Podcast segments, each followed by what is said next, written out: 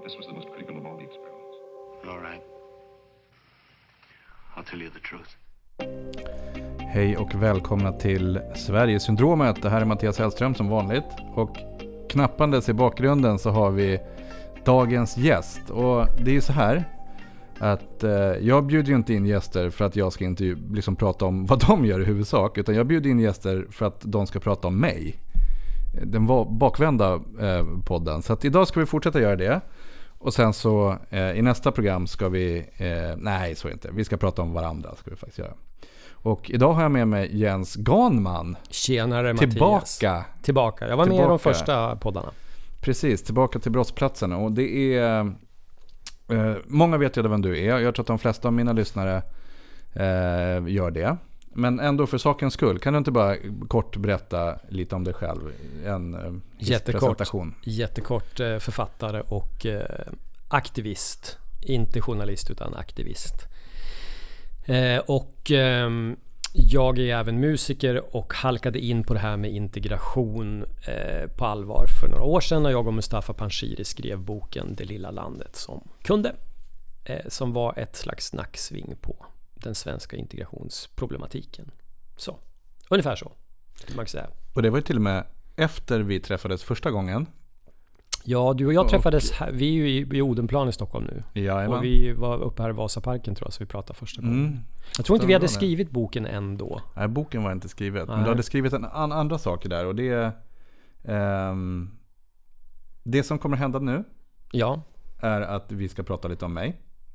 Ska vi prata om dig Ja, först? vi ska prata om mig först. Okej, jag googlar på dig här är, nu då. Det är egentligen, det är så här. Jag har två saker som jag har försökt tänka fram här. Ja. Eh, För, för att eh, jag, det här är ju som, vi kommer, in till var, vi kommer komma in på varför jag gjorde det här. För det började ju när vi träffades. Kan man Stämmer. säga. Ja. För ungefär... Ungefär tre- två år sedan, ganska exakt 22 februari 2017 Stämmer. kontaktade jag dig. Just det. Men det var inte jag som kontaktade dig. Utan... Det var någon annan. Jaha. Det var Stefan. Stefan Okej. sitter på mitt kontor. Okej. Och jag vågade inte kontakta dig själv. Du är en klok man. Det säger ju någonting om någonting. Varför vågar du inte det då? Ehm, jo, därför att jag... Jag hade varit ute och rullat liksom. eh, För er lyssnare, vi, i, vi har ju kommit till... eh, Förra programmet så pratade jag om när jag förlängde asylkrisen på boendesidan med sex månader. Eh, och, och så. Och det är egentligen efter det här. Det var precis efter det här det hände. Ja. Eh, kan man säga. Vi, vi skickar mycket, jag skickar mycket material till dig om det. Mm, För att stämmer. uppdatera dig så. Men, eh, nej, men jag var ju luttrad av att eh, bli kritiskt granskad och ehm, att medieklimatet inte tolkade mig alls som jag såg verkligheten eh, då. Det vill säga att man ville se liksom, det goda i, i invandringen och om man jobbar med asyl så var man ond eller så var invandrarna onda och så var jag också ond. Mm. Så var egentligen, jag var alltid i någon så här dark red corner av, av universe på något sätt där. Och, det var, och journalister för mig var ju, nu är inte du journalist för du är aktivist. Ja. Men då ansåg jag väl dig mer som journalist än aktivist. Men jag hade skrivit några Ehm, grejer i ämnet som du hade sett? Du eller? hade skrivit om ett besök på anläggningen i Bispgården. Ett av de boenden du kände till, så var det ja. Yes, Uppe det var ju vi som driftade det. Det Så var, var min det. anläggning. Just Eller det. min, det var ju Berts, men, men det var jag som ansvarade. Det var jag som öppnade den också. Och Bert Karlsson är det vi säger. När du säger Bert, då är det Bert Då är det Bert Karlsson. Karlsson, precis. Ja, just det. Och, ehm, och då, för att eh, närma mig försiktigt, så bad jag då Stefan att mejla dig.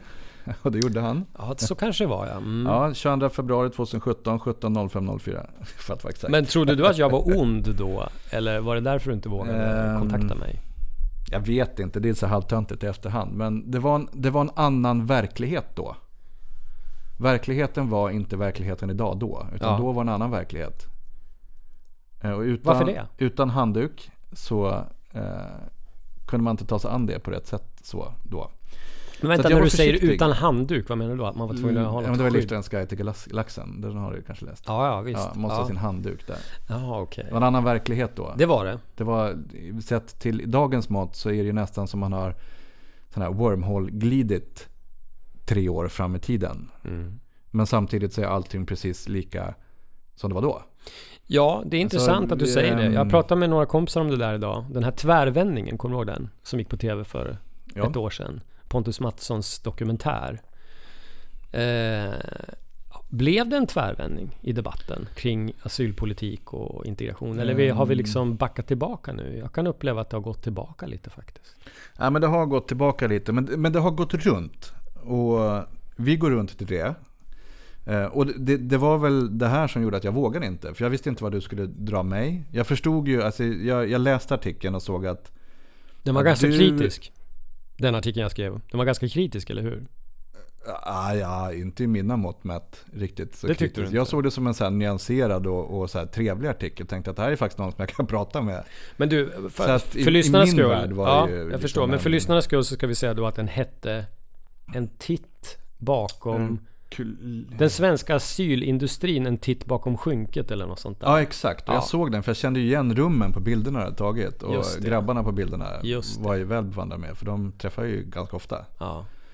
Ehm, men du skrev ju liksom inga så kritiska saker. Men du skrev att lokalerna var så här kackiga och, och sådär. Men det var ju ingenting. Jag tror att jag skrev så här att man inte skulle skälla på Bert Karlsson. Det var inte hans fel att han tjänade pengar Ja, på i typ system. ingressen. Ja, det stod i gränsen. Och Ja. eh, för att systemet var ju riggat på ett sätt att det skulle gå att tjäna pengar på det. För på den tiden hade vi ju ett, ett vinstdrivet asylmottagande. Sen tog staten över det där för det vart sån väldig kritik mot hur man hade lagt upp det. Ja, um, både och kan man säga. Eh, det var ju vinstdrivet då och rent krasst så kostar ju Migrationsverkets boenden mer att drifta än vad våra gjorde. Så att jag kan ju inte säga att de sparade pengar på att inte ha våra anläggningar. Och de Mm. sparar inte liksom integrationslösningar heller. Men ur, ur perspektivet att det var en nyanserad artikel Ja. så kände jag att om det här är någon jag kan prata med. Ja. Ehm, och så läste jag på lite och det var då jag hittade dina pajdiagram första gången. Eh, jag kommer, vet inte hur länge du håller på med det. Men, Det var nog där. Det var- började nog där tror jag. ja, och, då, Typ. och jag gill- gillar ju det. Jag är ju, det där är precis min kopp och te så att säga. Sjuk humor eller?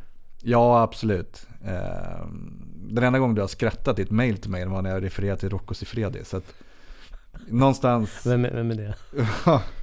Någonstans så, eh, nej men det, det, var, det, det var bra liksom. Och då, Åh gud vad det lät dåligt. Det minns jag faktiskt inte än men jag kanske använde det i något pajdiagram för att skoja med någonting. nej det var jag som skrev ditt Jaha, du mail och du det. skrattade tillbaka. Så det var min, Jaha. jag testade var din gräns låg, ett Jaha, mail. okej. Och det var ändå, du fattar referensen. Ja, ja. Jag ska Mm. inte läsa upp det nu för det är fel X-rating. Men han är ju en eh, italiensk asylforskare. Han är en ikon i, i sitt segment också. Ja, så. säga. Men han har också grunden för mycket humor. Man kan referera till honom på, på ganska roliga sätt. Det kan man och, göra. och du skrattade Ja. för du förstod referensen. Och det, Ja. det tyckte jag var kul. Det är inte det jag ska prata om riktigt så. Men det slutade i vilket fall med att du och jag började, vi pratade med telefon. Mm. Eller mejlade kanske och så bestämde vi träff Ja. i Vasaparken. Som första trevande steg och sen tror jag att vi gick ner hit. Det gjorde vi där vi sitter på ditt jobb nu. Ja, ditt kontor. Drink i Vasaparken och sen så gick vi hem. Ja, så prata, för du Ehm. berättade att du hade varit med och startat många av de här boenden, Precis. boendena, vilket jag tyckte var väldigt intressant att få prata med någon som hade förstahandsinfo om hur det där hade gått till hösten 2015 var det väl? Och det var ju du ensam om då. Kan jag säga. För det är ingen annan som har ställt de frågorna. Nej men vi, alltså Då, du menar till nu? dig om de här, hur Ja. det gick till? Nej men det, jag tyckte att det var rätt eh, fascinerande. Sverige är ett litet land, att en person, eller litet är det ju inte men relativt litet, och att en person eller några personer kunde rent konkret vara de som låg bakom öppnandet av alla de här boenden som alla i Sverige läste om, vad som hände där, vad som gick hur det gick till. Och så fick jag chansen att prata med dig som var, hade mer förstahandsinformation om det här än kanske någon i hela Sverige. För du träffade flyktingarna, du, du startade boenden. Du, Asylsökande. ja, precis. Och du eh, pratade med Migrationsverket, du pratade med lokalmedia framförallt. Och det tycker jag var den intressantaste vinkeln. Ja, och det... På varje plats där du kom och ska Ja, starta. det, och det blev ju så. Och lite därför jag också var så här journalisträdd. För jag, jag såg ju också vad man försökte göra. Det, det, vissa intervjuer som jag var med i var ju liksom riggade från min sida. Ja, Jag jag har gått igenom det tidigare. Att jag hade ju mina liksom, tio punkter jag alltid sa. Och så var det snyggt och välpaketerat. Och så, så Mm. var det en del i etableringen. Så där. Men sen försökte man också göra mycket annat. Mm. Liksom, göra rena åtsättningar. Jag har kastat ut journalister till höger och vänster från anläggningar. För att de ville komma dit och skriva skandalösa saker? Ja, men det är också för att man inte har respekterat eh, kanske de boende många gånger. Att man Ah. har liksom smugit in på anläggningen när vi har vänt ryggen till och liksom inte, eh, inte respekterat varken deras sekretess eller vårt arbete, Mm. tycker jag. Och då, och då fick jag möjlighet att börja prata. Och stå här vid tavlan här för mig och, och vi har en sån här whiteboard. Ja. Och liksom berätta. Och då, då fick jag kräkas ur mig allting. Ja. Ehm, och då kom vi till en, en fråga till dig då. Att vad, vad var jag någonstans 2017? Mm. Vad var den människan du träffade någonstans då? Eh, Ska jag beskriva det? Ja tack. Eh, jag träffade en person som höll på att koka över av information om vad som hade hänt och hur fel ganska mycket hade blivit och hur många missuppfattningar det fanns kring det här med eh, hur, hur branschen funkade. Och eh, jag tyckte att du höll på att explodera för att du behövde berätta det här. Inte tror jag av något eller du kanske inte var så arg, men mer för ditt eget samvetes skull, att du ville få det här liksom eh, ur, ur dig till någon som du hoppades inte skulle döma dig. För det var väldigt komplexa grejer du berättade. Du berättade ju om eh, scener från de här asylboendena som var, jag menar, man trodde inte riktigt att det var sant, men jag själv hade varit på en del boenden så jag förstod att det var sant. Hade det gått till så här? Kunde det vara sån här blandning av mänsklig misär men också av fantastiskt fina episoder som du berättar. Så insåg jag att det du berättar det skiljer sig jättemycket från det jag själv har läst om i lokalmedia på olika ställen. Deras bild av de här boendena. Ja men det, ja. Jag var... Du blev som en propp när jag fick prata med Jo, dig. jag märkte det. För Det jag var har- proppen ur. Jag har också gått igenom mail idag. Ja. Och började så här skämmas. Nej, varför det? över mängden mail jag skickade till dig på så här olika tider på dygnet. Jag var som en Klingon boyfriend under ganska lång tid. Jag, En, en Klingon boyfriend Ja. från Star Trek. ja, Klingoner. en klinging on boyfriend. Ja, en Klinging on boyfriend. Alltså det var... ehm, nej men det var, det, det, jag rodnar nästan lite. Nej, men det behöver över inte göra. Men- det var jätteintressant. Det, det är... eh, det, det var, jag höll på att explodera Mm. då. Så var det. Jag behövde få ut allt och, och vilket ledde till det jag gör idag. Att, att berätta min berättelse för någon annan att döma. Hens förra avsnittet. Mm. Som jag både är så stolt och inte stolt över.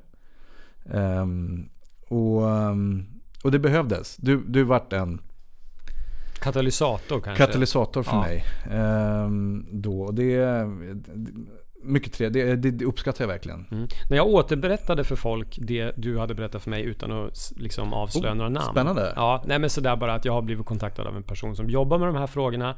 Som har varit med att starta boenden. Så här går det till rent praktiskt och så. Då var reaktionen oftast att åh, oh, gud vad intressant. Men de vill inte höra. Därför att man vill inte, det, det var ju någon som sa det, men det var Mark Twain som sa någonting om att folk, det finns två saker folk inte vill veta. Det är hur man stiftar lagar och hur man gör korv. Och det här är det nog tredje som folk inte vill veta. Hur går det till när man startar och driver asylboende? Så som det var då. Därför att det är klart att mycket av det du berättar var ju ja, ganska spekta- spektakulärt och man förstod ju att det här är liksom en hantering av människor. Och någon måste göra det här. Om vi ska vara den humanitära stormakten här uppe på toppen av berget, då måste någon vara där nere i gruvan varje dag och utföra eh, inom citattecken skitjobbet på de här Ja. boendena. Så var det ju. Och eh, så så när jag berättar det här för folk om detaljer och hur det funkar och just det här att det var vinstdrivet, like it or not, så stängde folk ofta av. Och då förstod jag att du hade varit i den situationen länge. Att eh, du kanske inte hade någon som ville lyssna eller orkade lyssna för att det är jobbigt. Man, man blir ju illa till mods och liksom, nej men gud.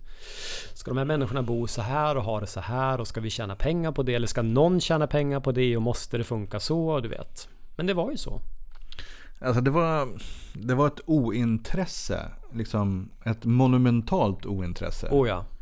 Ehm, och ehm, Alltså jag, jag har ju så kontinuerligt kontaktat alla riksdagspartier, tidningar, ditten datten. Jag har ju också skrivit många av Berts eh, liksom debattartiklar. Liksom har jag liksom ändå formulerat. Ja.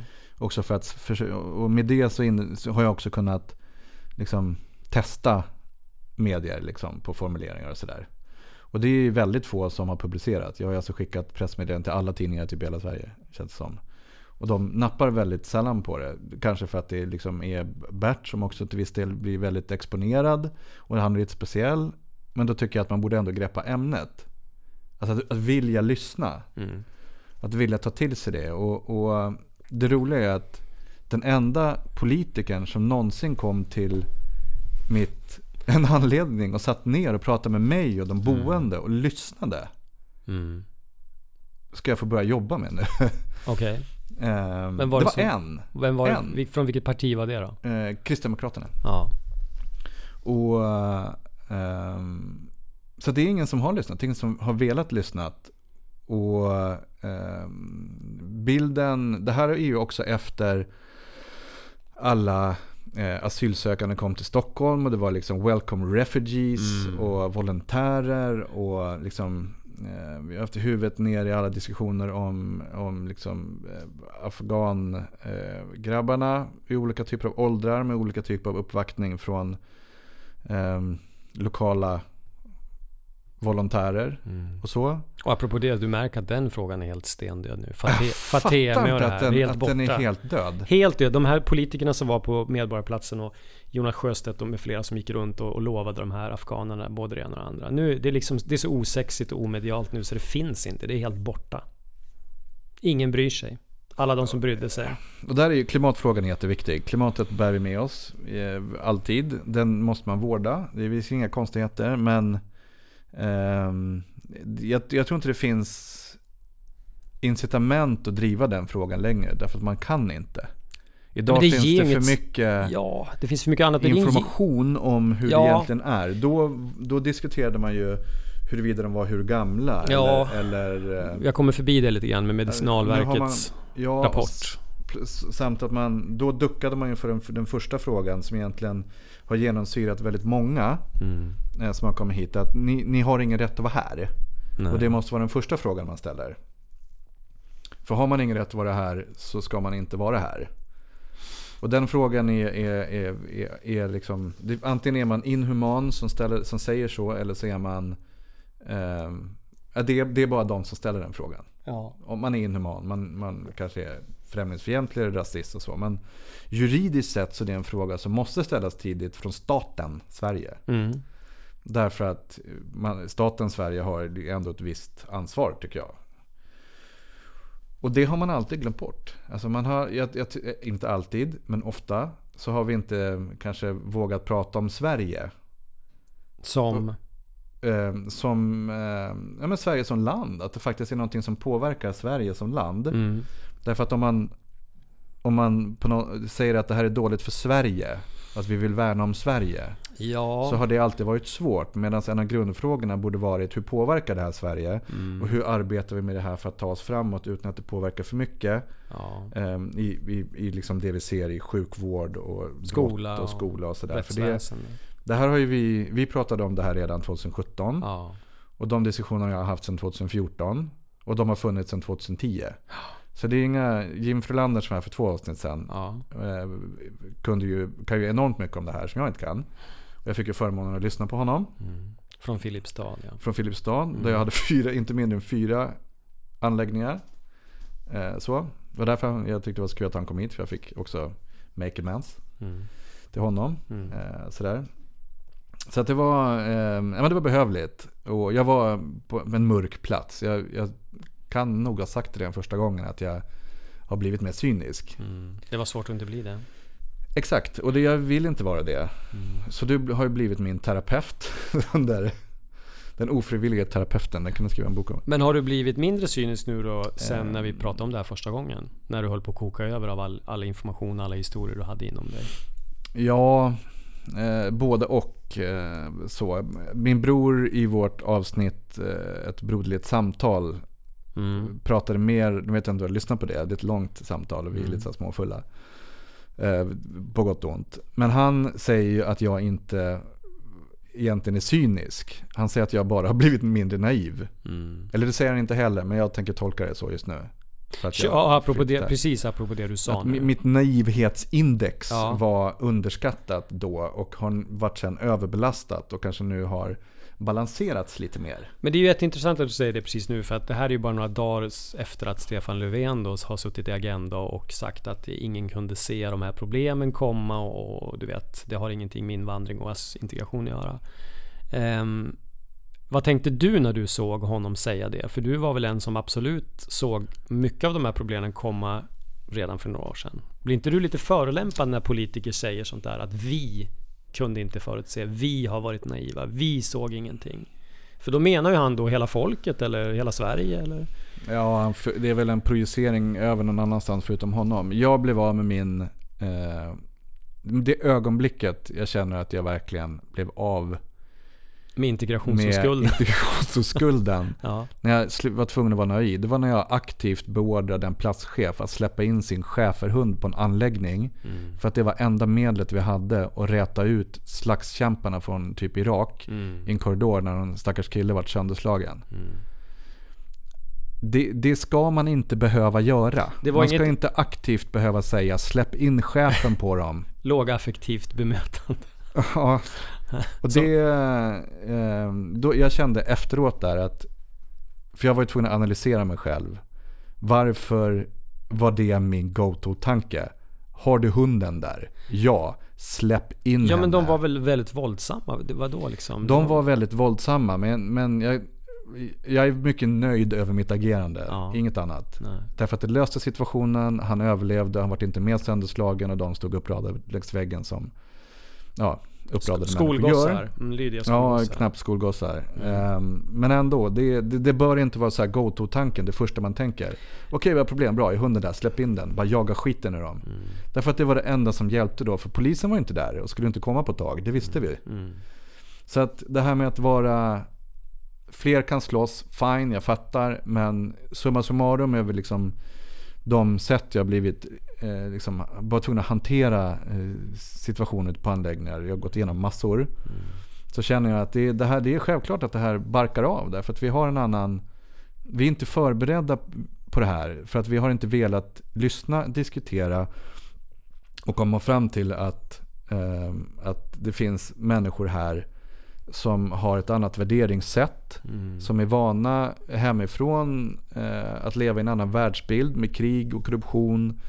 Eh, liksom där, där våld kan ha behövt varit ett sätt att överleva och är liksom en go-to lösning. Mm. Istället för eh, att kanske gå på ett lågaffektivt Mm. bemötande. Mm. Därför att man, man, man kommer från andra håll. Och att vi ens diskuterar hur eh, liksom klanstrukturer och familjer och heder påverkar eh, Sverige idag är ju skrattretande. Hur menar du då? Ja men det är klart att vi Ja, då har... att vi ens diskuterar, ska vi inte diskutera det? vi ska diskutera det. Ja. Ja, vi, vi måste diskutera det mer. Mm. Det, jag det jag inte förstår är att man inte har kommit längre i diskussionerna. Att man har tagit in det som en, fakt, en viktig faktor Mm. liksom, i hur man också kommunicerar mot väljarna. De som bor här. Att man tar det på allvar. Mm. Så att när Stefan Löfven säger att han, att han varit naiv så tänker jag bara att men det är du ju fortfarande. Ja. Du fortsätter ju alltid vara naiv. Ja. För du har inte, eller så har han dåliga rådgivare eller så har han någonting annat. Men, men jag, blir, jag blir förolämpad Mm. av två saker. Samma sak jag tror du blir förolämpad av. Det ena är att SVT inte genast har sparkat hela produktionsgruppen Ja. som gjorde intervjun Ja, bedrövligt. på grund av inkompetens. Ja. Och typ mer eller mindre... Nej, jag, jag, jag kan inte säga Nej men, jag säga det, låt mig bara skjuta in där innan, innan du fortsätter. Att det framförallt som störde mig, det är när Löfven kommer undan med att säga att om det hade bott eh, etniska svenskar i de här miljonprogrammen istället för en miljon invandrare. Då hade vi haft samma problem, sa han. Och då hade ju Anders Holmberg kunnat sagt så här. Men du, hade vi haft problem med sharia-poliser, hederskultur, balkongflickor och såna här väldigt kulturellt kopplade problem då? Det hade han kunnat fråga, men det gjorde han inte, utan det bara fick glida förbi. Och även om jag själv är jobbar ja, om jag jobbar åt SVT själv, vilket jag gör nu då med Svenska nyheter och har jobbat åt SVT i många år som frilans. Så tycker jag att det Aktuellt redaktionen producerar, som du säger, det är under all jävla kritik. För att de har en statsminister som sitter och blåljuger svenska folket i ögonen. Och alla som ser det här tänker, men tror du att vi är dumma i huvudet? Exakt. Och, och, och då, eh, ja, därför att det är inte så. Och då måste Anders Holmberg komma på ett sätt att säga det. Tror du att folk är dumma i huvudet? Även, han skulle kunna säga det rakt ut. Men han Men måste folk ju vara... är inte dumma i huvudet. Nej, jag vet. Det är Och- det som är grejen. Folk Nej. är generellt sett inte, inte jon liksom. De, folk har ändå en förmåga att bedöma omvärlden runt omkring sig. Sen kanske man inte bryr sig om vissa saker. Man kanske tänker att asylboende och drift och sådana grejer, det, det är så långt borta från min verklighet. Så där jobbar orkar inte jag höra på. Fine, köper det. Men om, vi, om det blir en förflyttning eh, i samhället, vi är redan inne på nästa program. Nu, s- eh, om, om det blir den här förflyttningen liksom successivt, att man känner sig liksom på, på, på totalen mer otrygg, eller mindre trygg.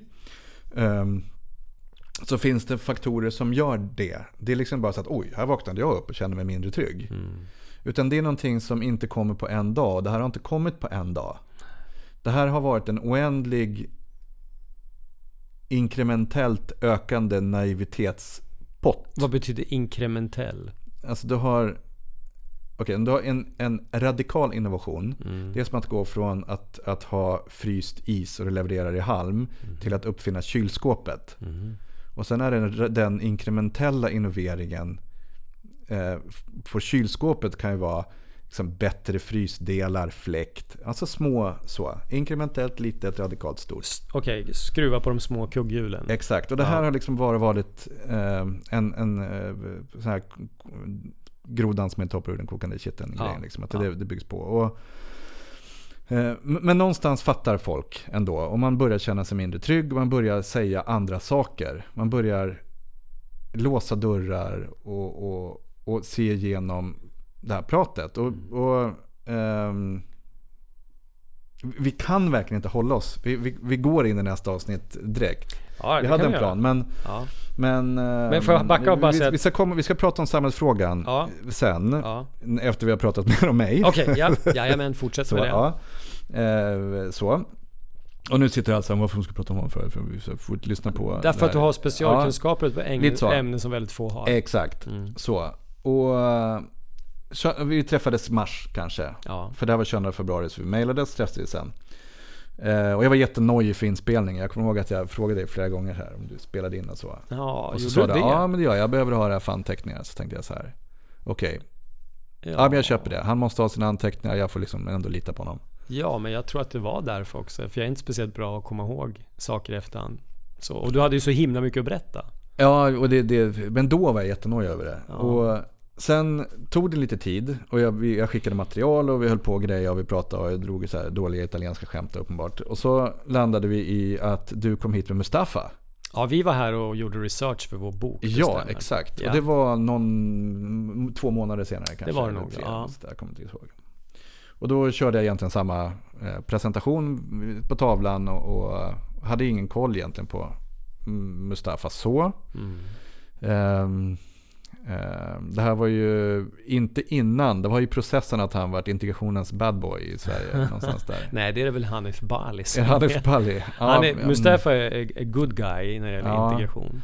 Ja, men han är, vilket är roligt eh, tycker jag. Därför att han säger samma saker som vi andra också inte kan säga. För ingen lyssnar på oss när vi säger de sakerna. Är, vi- är du inne på melatonin nu eller? Nej, ehm, alltså han är brun och det är inte jag. Nej, Så är det. men ni är båda män. Vi är båda män och det ligger mig till fatet. I dubbelt, men inte dubbelt, honom. för du är vit man. Ja, och det, Jo, men det är ju så. Ja, det, det är så. Ja. Och det är min, ehm, då kan man säga så ja, du är bara tjurig för att ingen vill lyssna på dig. Mm, Ja, det är mm, Då kan vi ta bort det. ja. Eh, Men folk lyssnar på, på Mustafa. Också för att han har ju en fantastisk bakgrund som polis och han är, Mm. kommer hit som... eh, kom- Nej, hur gammal var han? när Han var hit? 11 när han kom. 11. Så han, kom, han var på riktigt ett afghanskt barn när han kom ja, hit. Ja. Han har alla rätt parametrar för att kvalificeras in och stämplas som, eh, som trovärdig föreläsare. Och ändå får han jättemycket skit. Ja, jag fattar inte det. Men sak samma. Ja. Och det... ehm, så. Eh, jag blir så frustrerad med det här. Egentligen för att jag älskar att föreläsa och ingen vill att jag ska föreläsa. Jag har gjort det en gång. Har Mm. jag föreläst bara. Men sak samma. Ehm, för det är ingen som bokar mig. Nej. Och jag, nu har jag förlikats med det. Ja. För jag har fattat att det är för att jag har alla parametrar mot mig i det där. Jag har en historia som ingen vill lyssna på och jag är vit och svensk man. Ja. Sådär. Så det, jag rökt på den punkten. Men han var här och så stod jag när jag pratade. Jag ritade säkert och gjorde några graf att här emellan ska man hålla sig i, i, när man är på ett asylboende. Här är över gräns och ner gräns och så flyter man däremellan. Mm. Och sen så skulle ni gå och sen så precis när ni ska gå ut där uppe så hör jag Mustafa säga Wow! Och då tänkte jag, var det där ett bra wow eller ett dåligt wow? Mhm, vad hade du sagt då? då? Kommer jag få liksom en... Nej men det var så här, hej då. Ja, Nej jag gör samma sak som när du gör här. ja, ja.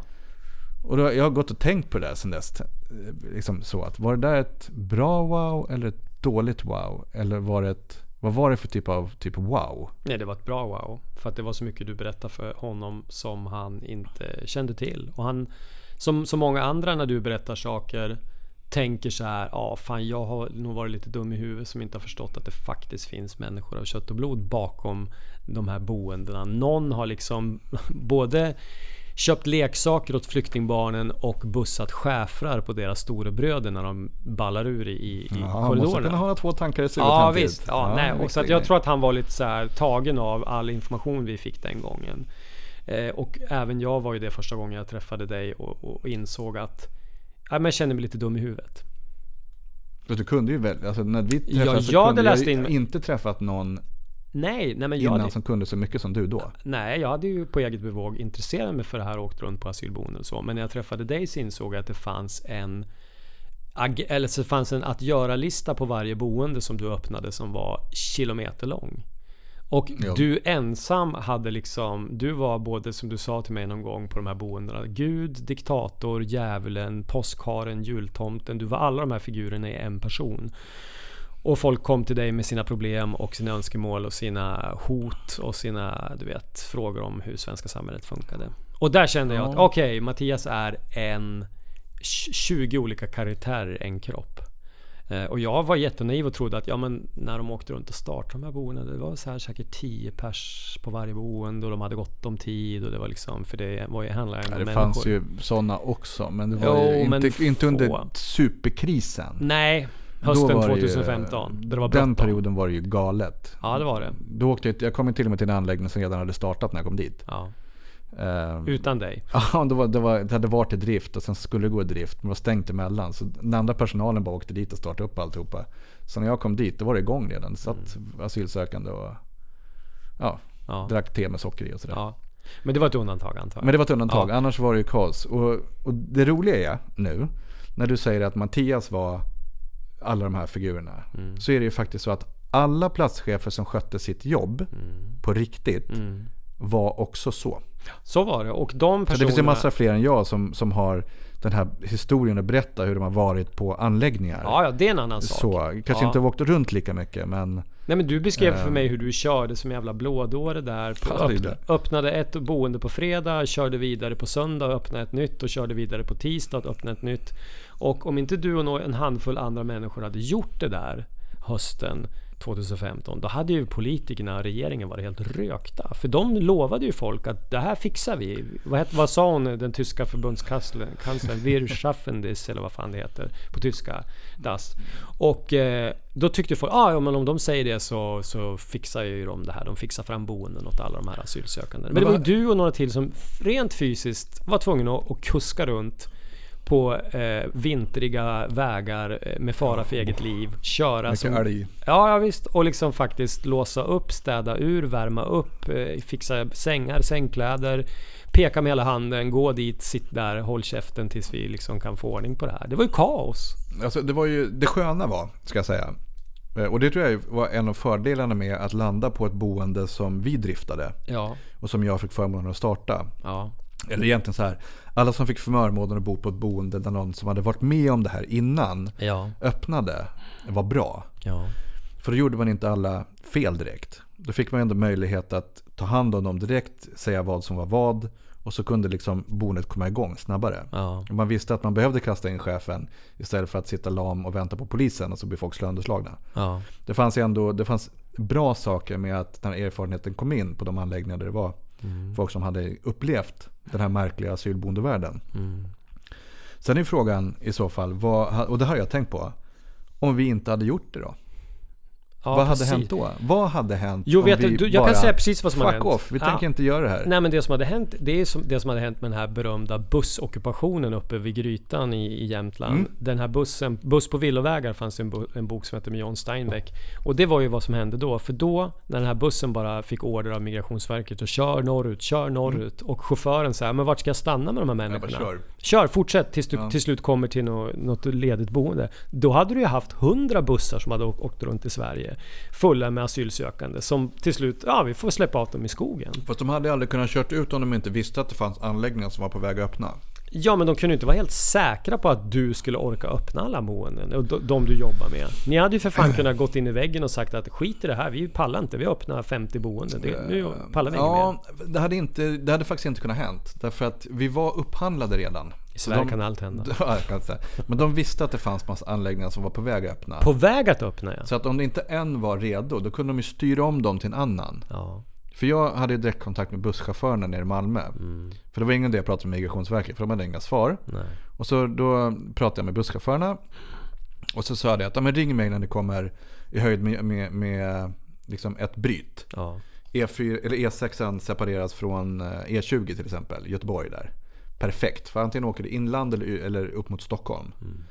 Så att det fanns ju vissa punkter där man kunde säga, okej, okay, fatta, ja, men de är nog på väg ditåt, alltså de ska till Värmland eller så ska de upp till Norrland eller så ska de liksom hit och sådär. Så då kunde man ändå fatta att okej, ja, men nu har jag 6 timmar, 8 timmar, 12 timmar med kisspaus och de sa att de var 150 Nej, man går inte in 150 i en buss. Men de sa att de var 100 i bussen och så vet man okej, men 20 kommer dra på vägen för de ska stanna hos någon släkting eller bli upplockade av andra skäl. Så okej, så 80 där uppe. Bra, ja men det grejar jag. Och så kunde man ändå så här. Och så visste man att de ringde. Och så ställde man av busschaufförerna och så kom de upp sådär. Så att det var... eh, Det fanns någonstans en... Men hade inte upphandlingarna varit gjorda så att det fanns förberedda fastighetsägare där ute. Då hade man inte kunnat skicka bussarna för då hade de bara åkt, åkt, åkt, åkt, åkt, åkt över till Finland, blivit stenkastade på, åkt, åkt, åkt tillbaka till Som Malmö. det hände Så- också. Ja, Exakt. Ja. Och så hade de stått där. Alltså Sverige var i mitten. I Danmark så spottade man på dem, i Finland kastade man sten på dem och Sverige var i mitten. Där stannade man. Och, och någonting så oerhört provocerande med det här när man då som jag och några andra visste vad du och dina kollegor höll på med. Och hur mycket jobb det var med det där och hur svårt det var att få det här att funka. Så när man då sen läste den här famösa DN-intervjun med träskallen Anders Danielsson som på den tiden var Migrationsverkets eh, GD. När han sa så här. Han sa det i Almedalen berättade han att så var det. Det var i Almedalen han sa så här. att När jag är runt och pratar med kollegor i andra delar av världen och de undrar vad vi håller på med i Sverige så säger jag att det är ni som har fel. Sverige gör rätt. Det är alla ni andra som gör fel. Och det är ju som jag har sagt många gånger. Det är ju den här Norge-historien. med- Han vet att Värnamo inte ligger utanför Sverige va? ja, det är tveksamt. Men det, du vet den här gamla historien med, med norrmannen som är ute och kör på motorvägen och så hör han en upp, en uppjagad röst som skriker så här från trafikinformationen att en ensam galning kör mot fel riktning på motorvägen. Och så säger norrmannen en, jag ser flera hundra. Det är ju Anders Danielsson och den svenska regeringen som bara vi gör rätt och alla andra i hela världen gör fel. Där hade du eh, debatten i ena änden och i andra änden av det här transportbandet så stod ju du och dina kollegor och skulle liksom implementera det de här träskallarna hade bestämt att så här ska vi göra. Och det var jag väldigt fascinerad av när jag träffade dig. Att aha, här har vi en av dem som man aldrig ser i media. De som gör att det här funkar liksom på riktigt. Som ska montera ihop den här IKEA-möbeln. Nej, alltså det, eh, hela... Alltså jag kom ju in i asylbranschen ändå sent. Men sent och tidigt. 2014. började jag Intressant att du kallar det bransch också. Ja men det är någon typ av bransch. Ja, det var det då i alla fall. Asylerit liksom. Ja. Ja, men, men faktum är att jag vart ju, jag kommer ihåg, det här har jag tänkt på efterhand. Det var några år tidigare, typ 2010 kanske. Då kom en snubbe till mig och bara, fan jag har hört värsta idén. Vi köper containrar och så stoppar vi in asylsökande i dem. Man tjänar så mycket deg. Jag bara, okej förlåt men inte min kopp av te. Tack så mycket. Och det kom jag på, för, bara för en tid sedan, att det hade hänt. I vilket fall. Så att 2014 så så fanns det ändå en erfarenhet i asylbranschen. Migrationsverkets anställda vid tidpunkten hade ju hyfsad koll på vad, liksom hur, hur det funkade med asylsökande. Och de hade ju flera, de hade kanske jobbat på förvaren eller på ABK och, och jobbat med lägenheter. Så de hade ju en bra koll på liksom, hur saker slits och vad det är för typ av problem och liksom hur det påverkar närort. och Massa sådana saker. Problemet 2015 på hösten det var ju att Migrationsverket stod för en enorm expansion och var tvungna att ta in jättemycket anställd, jättemånga anställda som inte hade erfarenhet av målgruppen de skulle hantera. Som var lättlurade, naiva, aktivistiska och massa andra saker man inte, vad jag tycker inte man får vara på en myndighet i en sån situation. Mm. De bästa som jag har jobbat med är de som är rävar i gamet som kan se igenom lögnerna direkt. Både från politiker och asylsökande. Det är väldigt få politiker jag träffar med den egenskapen. Men åtminstone från att de, Ja men att de ljuger menar jag. ja, ja, du tänker så? Ja, så ja, tänker ja. jag. Och då, tänker jag och då tänker jag att, att om, om, man kommer tillbaka till de diskussioner vi hade då. Då vågade, eh, som, men många kom till mig för jag hade mitt racist free card. Mm. För att jag träffade liksom hands-on asylsökande på anläggningar. Man kunde ställa mig frågor. Och man var inte rädd att bli liksom, sedd snett på mig. Och jag kunde berätta vad jag såg. För att mina erfarenheter var svåra att ifrå ifrågasätta. Så det har alltid funnits en nyfikenhet one-to-one. Och sen har jag varit föreläst en gång i det här på något frukostmöte. Jag, jag har pratat om det här i podden. Jag öppnade, han innan var för något så fastighetsbolag. Och han pratade om att hos oss tältar man utanför vår eh, reception varje gång vi släpper nyproduktioner i Liljeholmen eller något. Ja, och sen så var det någon klocktillverkare, typ Sjö Sandström eller något, som berättade om sin fantastiska klockresa. Sen så kom jag upp och sa att ja, i min verksamhet så tältar man ju bokstavligen utanför mm. Mm. Eh, våra lokaler då. Och så, och så var det tyst. tyst. Ja, jag förstod. Det blev tyst. Bara, det vill inte folk höra. Det är inget kul. Och då var det liksom bara... Ja, funkar, den, funkar mikrofonen? På den här.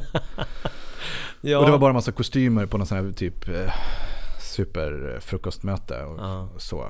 Och då tänkte jag, och, då, och då tog jag mig friheter. Gjorde jag. Ja. Jag gjorde mig kul på asylsökandes ja. bekostnad. För att vinna deras intresse då? Publikens. Och så berättade jag liksom ganska så här klämkäckt om, om min hantering av situationer. Jag har berättat det mer nyanserat i podden. Men i det fallet så gjorde jag liksom mer för att överhuvudtaget få en reaktion. Och var mer stand-up mm. än, äh, än eh, föreläsning. Och jag fick inte en enda fråga efteråt. Nej, varför det då? Jag stod, nu, nu, den, vi, nu låter det lite här, vi bara ignorerar det tills vidare. Ja. Nej, det var ingen som ställde några frågor. Jag, jag var som en tafatt 13-åring under diskokulan. Ingen ville dansa med Ingen ville dansa med mig. Nej. Utom en man som kom fram och så lämnade han över sin egen bok om integration. Jaha. Vem var det då? Jag kommer inte ihåg. Jag har boken hemma. Jag har bläddrat in lite då och då. Han var självflykting. Okay. Någon bok om att vara flykting Aha. som jag tyckte ändå var bra. Eh, och som säkert inte har slagit därför att den var också kritisk. Mm. så att den har förmodligen för att det glömska någonstans. Men den var, den var bra, den var kritisk, den beskrev strukturer. Den har jag fingrat på liksom när jag sökt svar mm. ett par gånger. Um, så att jag har helt glömt bort var vi var någonstans nu. Men, men, eh, Nej, men eh, någonstans runt Mustafa och ditt besök här. Ja precis, det var där vi började med um, Och sen... Eh, Han sa wow när vi gick. Ja men precis. Ja. ja. men det var ett bra wow. Det var skönt. Jag funderade lite grann på det där. Och sen, sen har jag egentligen gött dig med material. Mm. För mycket kanske. Väldigt mycket. Eh, periodvis. Eh, du har blivit min terapeut. Jag har liksom mm. bara, någon måste se det här. Så här, mm. skickat allt till dig. Ja. typ. Ja. Jag vet inte vad du har för mapp med mig någonstans, men det finns säkert en... Uh, ja, fast jag var relevant information och jag har ju vidarebefordrat en del uh, till journalistkollegor. Men, men vad, vad får du för reaktioner? Är det någon som säger något? Är det någon som använder det? För jag kan inte säga att jag har sett Nej, jag... Något genomslag? nej, nej. Men grejen är att... Va, där... vad, gör, vad, gör, man med informationen på journalistsidan? Man... Hur förvaltar man den? Man kastar den. Man lägger den i någon mapp där den blir liggande. Därför att den där frågan är stendöd. Den är helt ointressant. Och det, borde, det finns så mycket att lära av det du har gjort och eh, gjorde under den här perioden när ni startade alla de här boendena. Det finns så mycket kunskap som man skulle kunna Du skulle behöva föreläsa i riksdagen och berätta om Ja men det kommer aldrig hända. Nej, det för kommer det är ingen hända. som kommer att ta in mig som Nej, nej, föreläsare. för. Man vågar inte död. ha mig där. Man vill inte ha mig där. jag därför att jag är han- fel. Jag tror inte det handlar om att man inte vågar. Jag tror att det handlar om den här frågan, precis som jag sa för en stund sedan, det här med Fatema och afghanerna och det här. Det är stendött. För det har liksom passerat sin eh, bäst före-datum och folk är Fast inte förstår man inte det här, om man inte vill lyssna in det som händer nu från mig och andra, Mm. ehm, så kan man omöjligt förstå hela skedet. Vet du vad? Om det här skulle, om det skulle komma en ny flyktingkris nu, nästa år säger vi, 2020, som såg exakt likadan ut som den 2015, så skulle svenska politiker och myndigheter göra exakt samma misstag igen. Och det skulle rinna iväg exakt lika mycket pengar på grejer som bara var, "Ja, hur fan kunde ni göra så här? Hur kunde ni liksom inte ha någon framförhållning? Utan, och det manifesteras ju av att vi har en statsminister som säger, vi såg det inte komma. Om inte han och de andra har sett de här problemen i olika former komma nu, nej men då kommer de aldrig göra det. Och händer det igen så kommer det bli precis samma grej igen. Panik. Eh, hur fan ska vi lösa det här? Och du kommer förmodligen att stå där igen och bara, ha nu ska jag starta 100 boenden till här på samma Alltså, premisser. har nu kommer inte du göra det, men Så jag har tänkt Hypotetiskt. Jag har, jag har tänkt på det och jag för ju regelbundna samtal med insatta människor Mm. eh, såklart om riskerna. Okej, vad händer om det händer sig i Turkiet eller så i, i Ja. Grekland? Kongo, eller, Albanien. Försöka you ha lite koll på flyktinglägren där nere på liksom, söder om Medelhavet. Liksom runt där det finns eh, massa. Eh, jag hade förmånen att vara i Beirut för några veckor sedan. Eh, och fick eh, möjlighet att träffa ja, men delar av liksom presidentens personal och massa sådana här high-end människor som jobbar med, med asylfrågor lokalt. Och liksom fick också gräva ner mig lite grann i, i hur Alltså vad som har hänt med de som flyr in i Libanon till exempel. Som kommer från Syrien eller från andra ställen. Och hur de lägena där ser ut och påverkar. Eh, och det, det, det roligaste är att en man här då som jag sitter och snackar med ganska mycket. De är ju svinroliga. Eh, vi, vi sitter på en lunch eh, där. Och så säger han till mig. Mattias, I, I have a question for you. Ja, okej, shoot. Have your people gotten more racists after you got more people from, from the Middle East than before? Och, och, nu, nu var vi ju liksom i ett... Jag var i ett sammanhang där jag inte kunde säga allting utan att liksom ändå så här glida på diplomatprotokollet. Så. Um, yeah, we have, we have certain, certain changes. How is it in, in, in, in your country? And he says, bad, really bad. De har exakt samma problem i diskussionen som vi. Mhm. Vilket då menar du? Det huvudsakliga problemet är att... Om vi backar tillbaka till att vi har Sverige som någon typ av land med gränser, befolkning, nationalitet och tillhörighet. Och om man ser till den befolkning som är svenskar utan att behöva vara Sverigevänner. Mm. Man kan också vara svensk och Sverigevän. Man kan också vara Sverigevän utan att vara Sverigedemokrat. Mm. Det finns många sätt man kan värna om landet vi har. Det blir motsättningar. Nej. I'm shocked. Det blir motsättningar. Nej, det är vad fan helt säger galet. du? Och Motsättningar det blir mellan motsättningar människor? i andra länder också. Nej, chockad. Som har samma demokrati, liksom samma eh, mottagande eller större mottagande. Mm. Därför att de som bor i landet vid någon tidpunkt så tär eh, invandring i olika former, om den är hög, på systemet. Det är klart jag gör det. Och Skulle det göra gör det i. Sverige och Ja. det gör det i andra länder också. Och det sker en reaktion. Det viktiga är att man pratar om den reaktionen som någon- någonting naturligt och inte skamfyllt. Nej, nej, men i, i- du vet ju hur det är i Sverige. Där ska ju allt sånt där, all friktion ska genast kallas rasism. Och, och plötsligt så är vi så här, ja men alla som yppar minsta problem, liksom tycker att det där kanske inte funkar så bra med integrationspolitiken och asylpolitiken. Då är det så här, ja du vill starta koncentrationsläger och gasa ihjäl människor. Nej, det vill Men jag det ju är inte. inte så. Men, jo, så är det. Ja, ja, ja det är så. Men då måste man ju- Debatten alltså, ser ut så. Men det är ju inte så. Jag, jag kan vara stolt över mitt land. Ja. Jag, jag, jag, jag tror att jag har sagt i podden att jag, jag, har, jag har gjort lumpen. Mm. Jag har krypit i leran med eh, uniform. Och någon har skrikit det här gör du för ditt fosterland. Och jag har sagt att ja, det gör jag. Mm. Eh, så.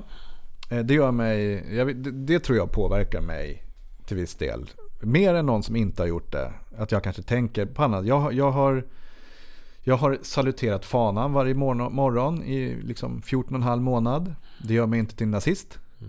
Men det har ändå, jag har fått känna på det. En annan typ av hyllning till vårt land. Eh, så. En Eh. annan hyllning än vad? En, en... Att inte göra det. Okej. Liksom, jag, tror, jag kan tänka mig att min och många som har gjort värnplikten och faktiskt tyckt om att göra värnplikten kanske har en annan relation till svenska fanan än om man inte har gjort det. Mm. Antingen så kanske den är en, en pinne på bussen när det är olika typer av högtidsdagar. Mm. Eller så är, är det en symbol för Sverige.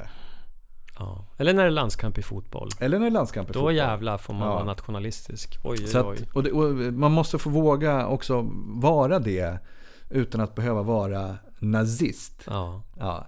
Man, man måste våga vara stolt över sitt land eh, och, och utan att vara nazist och ändå våga vara en del i integrationen. Mm. För det, det kan man ju vara, har jag förstått. Man måste våga kunna vara flera saker här. Och här är jag, jag är eh, Navid, hur kan vi? ja. Navid Modiri. Ja. Han är, eh, ja precis, jag hoppar ju alltid över efternamn då. Mm. det är bra, tack för att du fyller i. ja. Han, jag tycker att han tar samtalet på en nivå som många fler måste göra. Mm. Jag är djupt imponerad av att han orkar. Det är det inte alla som är. Eh, Han får Och- också mycket och- skit. och jag förstår det. Och, Oförtjänt. men, han, men han får ta samtalet. Äh, Vet, vet du Jens? Ja. Jag är avundsjuk. För att jag får inte ta samtalet. Vadå får inte ta samtalet? Därför att det är ingen som får, jag får inte möjlighet att ta det samtalet. Fast han, det är ju ingen som har gett honom det på en silverbricka. Han har ju verkligen klöst sig fram till den positionen. Och Ja. har kostat honom jättemycket Jo, men det är klart att du socialt. har rätt i det. Men jag vill, jag vill komma ut och prata med människor. Ja. Och jag kan inte åka runt med... Alltså jag, man behöver komma ut till en plattform för att prata med människor. Ja, jag är avundsjuk på alla de som har möjlighet att få komma ut på skolor och kommunala bolag och andra bolag och prata om det här. Vet du det? Mm. Som, vad heter hon? Linnea Henriks? Vad heter hon? Linnea Henrik? Hon som är så... Regnbågsfärg. Claesson. Ja, Ja, ja, precis. nu- ja, men jag, jag är eh, till viss del avundsjuk Skulle du också vilja åka runt med, med regnbågsfärgat hår och stå och, och kläcka ur en massa plattityder som är sanna eller inte sanna och sen fakturera 100 000 till en fattig kommun? Skulle det kännas bra?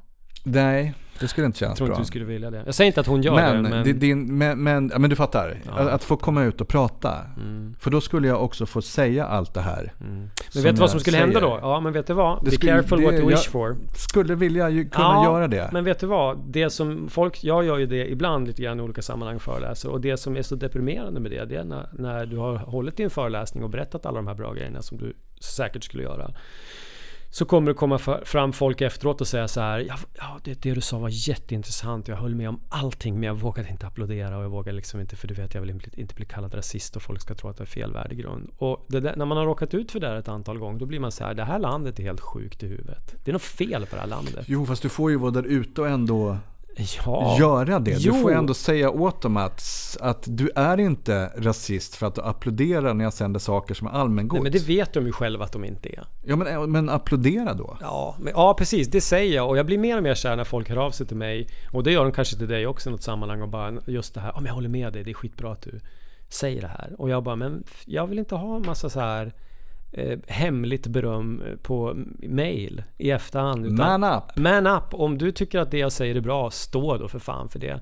Ja, men alltså det är inte alla som har din position. Och bara, vadå har? Jag har inte har ingen jävla position. Jag har fått skaffa mig den. Nästa du. avsnitt så ska vi prata mer om hur Jens och kanske andra också och jag borde skaffa sig situationen och positionen att faktiskt göra skillnad. Ja.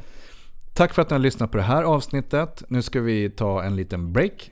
Och för oss är det en kort break. Ja. Och för er kanske en dag. Vi får se när jag lägger ut det avsnittet. Vi ses i nästa Vi avsnitt. ses i nästa avsnitt. Hej! Hej då.